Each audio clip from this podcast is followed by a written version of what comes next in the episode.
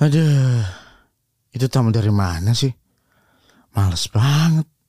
Kenalan lagi, basa-basi lagi. Mending di kamar.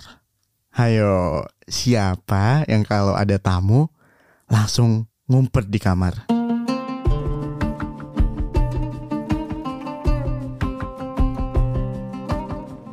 Assalamualaikum, hai aku Ibra dan ini adalah Sepertiga Malam. Podcast persembahan Kukila untuk nemenin kamu selama Ramadan. Di episode kali ini aku mau bahas tentang silaturahmi. Kita sering banget ya dengar istilah yang satu ini. Biasanya ada di dalam nasihat-nasihat kayak jaga silaturahmi atau mari mempererat tali silaturahmi. Emang sebenarnya silaturahmi itu apa sih? Jadi setelah aku browsing-browsing nih, istilah silaturahmi berasal dari bahasa Arab, yaitu sila dan rahim. Sila artinya menyambung atau mempererat, sedangkan rahim berarti hubungan kekeluargaan atau ikatan darah. Jadi, silaturahmi secara harfiah berarti menyambung atau mempererat hubungan kekeluargaan atau persaudaraan. Secara lebih luas lagi, silaturahmi biasanya merujuk pada hubungan yang baik antara sesama muslim.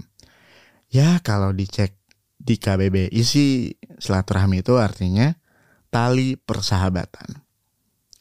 Kalau dalam Islam, menjaga silaturahmi itu penting banget ada banyak hadis dan ayat Al-Quran yang menekankan pentingnya menjaga silaturahmi. Salah satunya adalah hadis yang diriwayatkan oleh Abu Hurairah yang menyebutkan bahwa Nabi Muhammad Shallallahu Alaihi Wasallam bersabda, Barang siapa yang ingin dilapangkan rezekinya dan dipanjangkan umurnya, maka hendaklah ia menyambung silaturahmi. Hadis riwayat Bukhari. Hadis ini ngajarin kita bahwa dengan menjaga silaturahmi, kita akan diberikan keberkahan dari Allah. Selain itu, menjaga silaturahmi juga dapat membuat kita hidup lebih bahagia. Karena kita ngerasa diterima dan dihargai oleh orang-orang di sekitar kita. Wah, sepenting itu ya ternyata.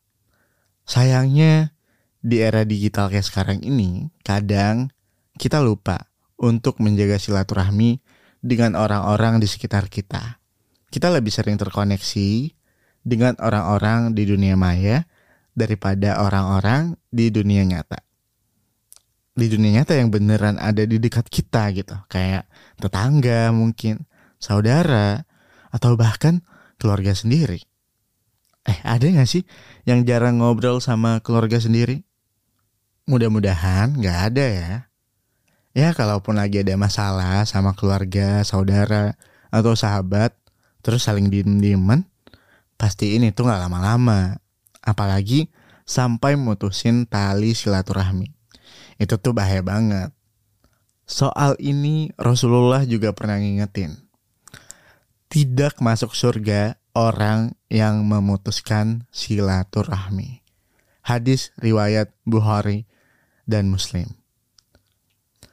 Artinya, seseorang yang sengaja memutuskan hubungan atau tali persaudaraan dengan orang lain, maka dia ber beresiko kehilangan kesempatan untuk masuk surga. Jangan sampai deh. Nah, mumpung lagi Ramadan nih, pas banget buat merawat tali silaturahmi.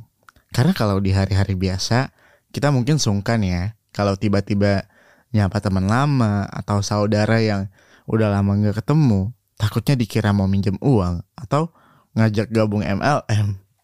Di bulan Ramadan, apalagi momen lebaran, kita bisa tuh sapa-sapa lagi saudara-saudara kita, teman-teman lama kita.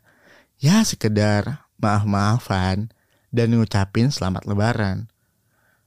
Kalau boleh, kalau sambil kirim-kirim hadiah, hampers, parcel, kayak dengan kayak gitu tuh hubungan kita sama dia tetap terjaga sebagaimana yang dianjurkan Rasulullah.